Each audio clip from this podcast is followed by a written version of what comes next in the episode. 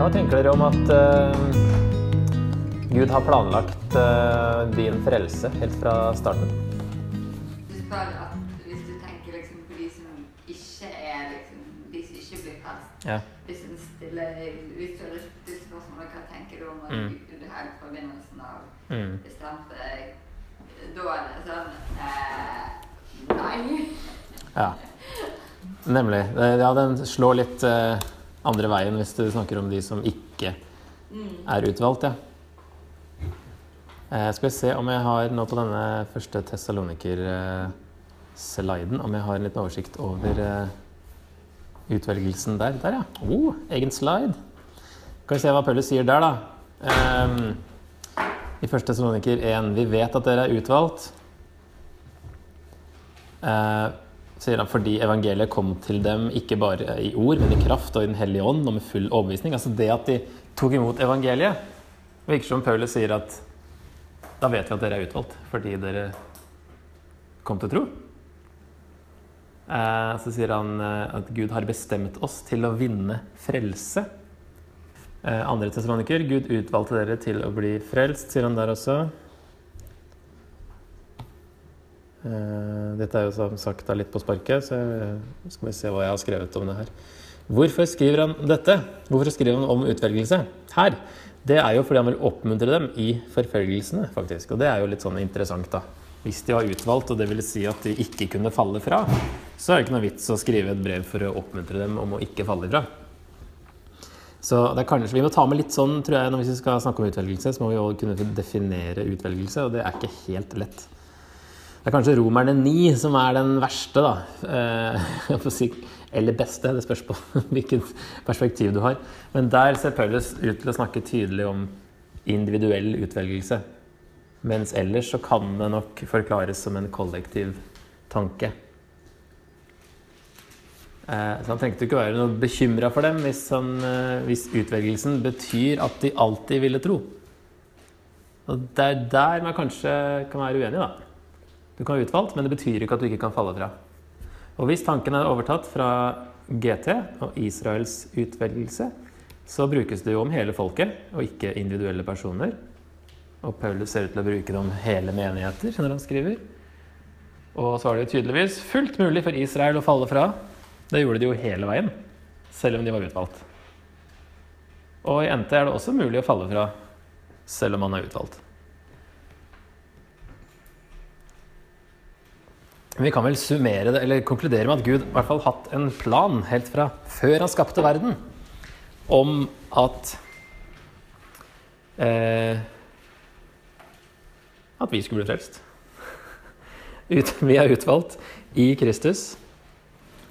Eh, men iallfall at han har eh, kontroll og hatt Vi har i hvert fall ikke plan B, da. Det er i hvert fall sånn eh, viktig sånn, som hedninger.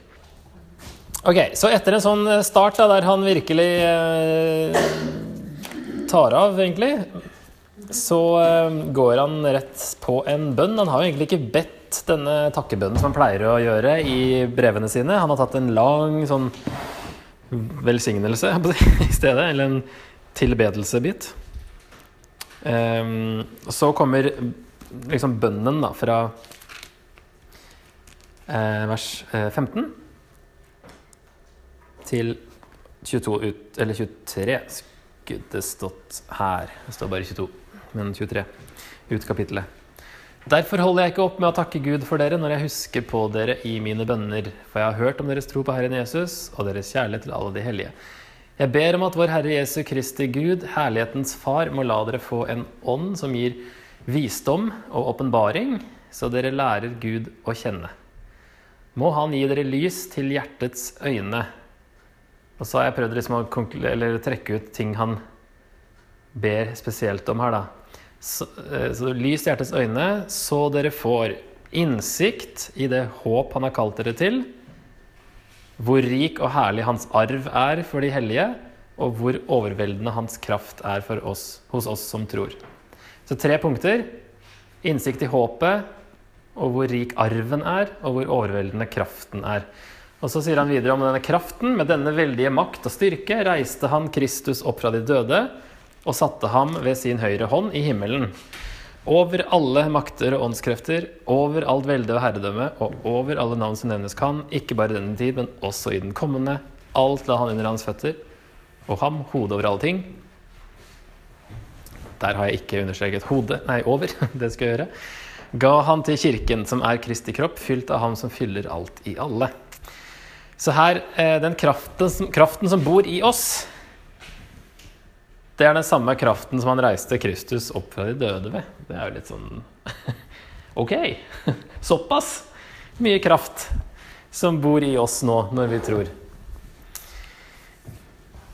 Så det er tre ting som han ber om at de skal få innsikt i, og så er det fem ting som han sier at Jesus er over.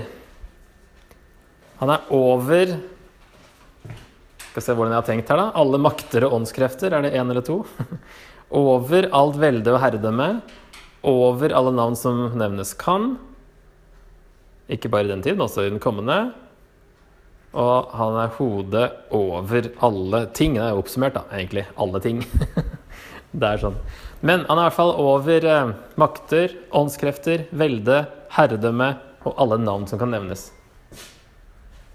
Ikke, han ber ikke om at vi skal få mer av Mhm. Han eh, ber om at vi skal få innsikt i at vi har den. Nemlig. Yes. Igjen! Bra, bra observasjon. Vi har allerede denne voldsomme, overveldende kraften. Og han ber om at vi skal skjønne det. At vi skal få innsikt i hvor overveldende denne kraften er hos oss som tror. Eh, er det noen som tør å definere håp i nytestamentlig kontekst? Hva er det kristne håpet? Hva er det vi håper på? Ja, og det brukes ofte litt mer konkret enn det. Men det er helt riktig. Oppstandelsen, yes, oppstandelsen fra de døde er liksom som regel det det knyttes til. Håpet